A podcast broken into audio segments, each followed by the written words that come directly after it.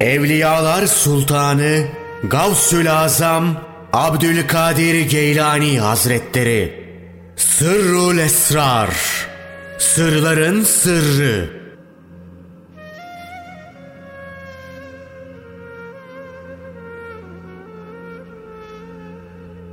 Dördüncü Fasıl. İlimlerin Sayısı. Zahir ilminin 12 branşı olduğu gibi batın ilminin de 12 branşı vardır. Bunlar avam, havas ve ehassül havas arasında istidat derecesine göre taksim olunur. İlimler temelde dört çeşittir. Emir, nehi ve diğer ahkamdan oluşan şeriatın zahiri. Şeriatın batını ki ona tarikat ilmi denir. Tarikatın batını ki ona marifet ilmi denir. Batınların batını ki buna da hakikat ilmi denir. Bir Müslümanda bunların hepsinin bulunması gerekir. Zira Resulullah sallallahu aleyhi ve sellem şöyle buyurmuştur. Şeriat bir ağaçtır. Tarikat onun dalları, marifet yaprakları, hakikat de meyveleridir. Kur'an-ı Kerim delalet ve işaret yoluyla tefsir ve tevil olarak bunların hepsini içine almaktadır. Tefsirul Mecma adlı kitabın müellifi Allah ona rahmet eylesin şöyle demiştir. Tefsir avam içindir. Tevil ise havas içindir. Çünkü havas rasih alimlerdir. Zira rusuh kelimesinin anlamı ilimde sağlam, sabit ve istikrarlı olmak demektir. Aynen kökü yerde sabit, dalları da semaya uzanan bir hurma ağacı gibi. Bu rusuh tasfiyeden sonra kalbin özüne ekilen kelime-i tayyibenin neticesidir. Görüşlerden birine göre Ali İmran suresinin 7. ayetindeki ilimde rasih olanlar ifadesi illallah lafzı üzerine atfedilmiştir.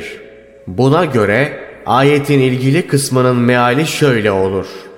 Allah'tan ve ilimde rasih olanlardan başka kimse onun kesin anlamını bilemez. El Tefsirül Kebir adlı eserin müellifi Allah ona rahmet eylesin, şayet bu kapı açılmış olsaydı, batın bilgilerinin tümünün kapıları açılırdı demiştir. Şu bilinmeli ki kul emir ve nehye uymakla ve bu dört dairenin şeriat, tarikat, marifet, hakikat her birinde nefse muhalefetle görevlidir. Zira nefs şeriat dairesinde emir ve nehilere muhalefet yoluyla, tarikat dairesinde de karışıklığa sebep olarak muvafakat suretiyle vesvese verir. Nübüvvet ve vilayet iddiası gibi. Marifet dairesinde ise nuranilerden gizli şirk ile şaşırtır. Rububiyet iddiası gibi. Nitekim Allah Teala şöyle buyurur. Kendi arzu ve özlemlerini Tanrı edinen insanı hiç düşündün mü? Hakikat dairesine gelince orada ne şeytanın ne nefsin ne de meleklerin bir etkisi söz konusudur. Çünkü o dairede Allah'tan başka her şey yanar, kül olur. Cebrail aleyhisselamın parmak ucu kadar yaklaşacak olsam yanar, kül olurum dediği gibi. O halde bu derecedeki kul iki düşmandan, nefs ve şeytandan kurtularak şu ayet-i kerimede belirtilen ihlaslı kullardan olur. Bunun üzerine iblis, senin kudretine andolsun ki onların tümünü şiddetli bir sapıklığa sürükleyeceğim dedi. Senin ihlaslı kullarının dışında tümünü. Hakikate ulaşmayan muhlis olamaz. Çünkü beşeri sıfatlar ancak zatın tecellisiyle yok olur. Cehalet de ancak zatın Sübhanehu ve Teala marifetiyle ortadan kalkar. Bundan sonra Allah ona kendi nezdinden vasıtasız olarak ledünni bir ilim öğretir. O artık Hızır aleyhisselam gibi Allah'ı kendisinin bildirmesiyle bilir ve ona kendisinin talimiyle kullukta bulunur. İşte orada kutsi ruhları müşahede eder ve Peygamberi Muhammed'i sallallahu aleyhi ve sellemi tanır. Böylece makamının sonu başına uygun olur. Peygamberler kendisini ebedi vuslatla müjdeler. Şu ayet-i kerimede bildirildiği gibi Allah'a ve peygambere itaat edenler, Allah'ın kendilerine nimetler verdiği peygamberler, sıddıklar, hakikatten hiç sapmamış olanlar, şüheda, hakikate hayatlarıyla şahitlik yapanlar ve salih, dürüst ve erdemli kişilerle birlikte olacaklar. Bunlar ne güzel arkadaşlar.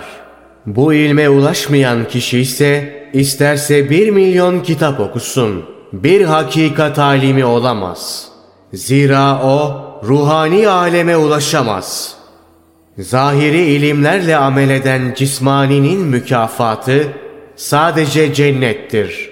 Ve orada sıfatların aksi yansıması tecelli eder. O halde alim mücerret zahir ilmiyle kuts ve kurbet haremine giremez.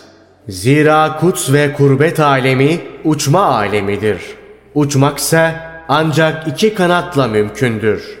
Dolayısıyla zahir ve batın ilminin ikisini birden bilen kul bu aleme ulaşabilir. Şu kutsi hadiste ifade edildiği gibi Ey kulum haremime girmek istersen mülk, melekut ve ceberut alemlerine yönelme. Çünkü mülk, alimin, melekut arifin, ceberut da vakıfın şeytanıdır. Kim bunlardan birine razı olursa o yanımdan kovulmuş demektir. Buradaki kovulmaktan maksat kurbetten kovulmuş olmaktır. Yoksa derecelerden kovulmak değil. Yani onlar kurbeti isterler ama ona ulaşamazlar.'' Zira ulaşamayacakları şeyi arzu etmişlerdir. Çünkü onların tek kanatları vardır.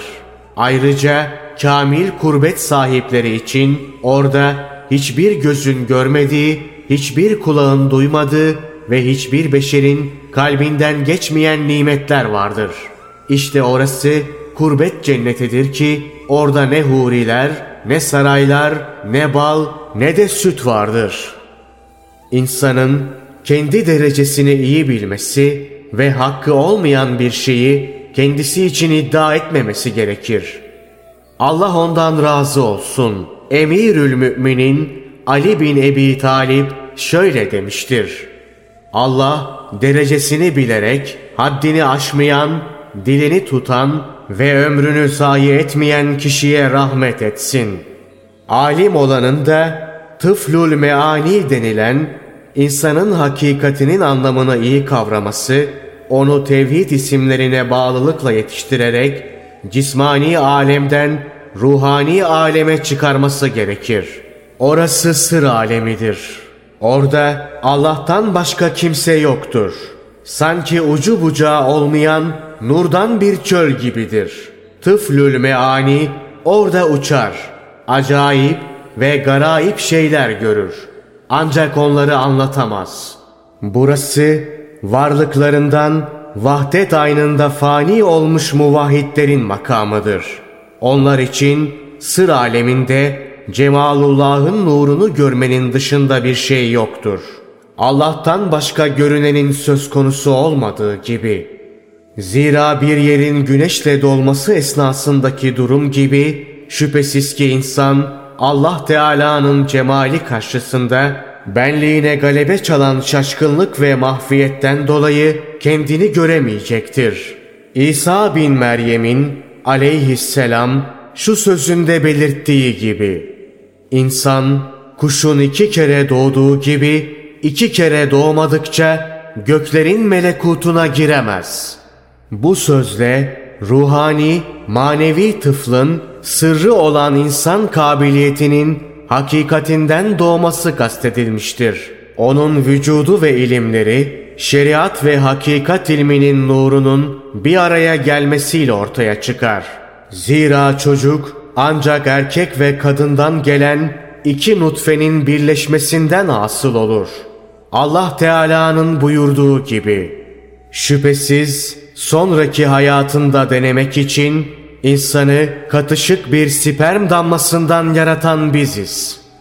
Bu mananın zuhurundan sonra yaratma denizlerinden emir derinliklerine geçiş hasıl olur. Hatta bütün alem ruh aleminin yanında denizden bir damla gibi kalır. Bundan sonra ruhani ve ledünni ilimler hiçbir harf ve hiçbir ses olmaksızın bol bol gelir.''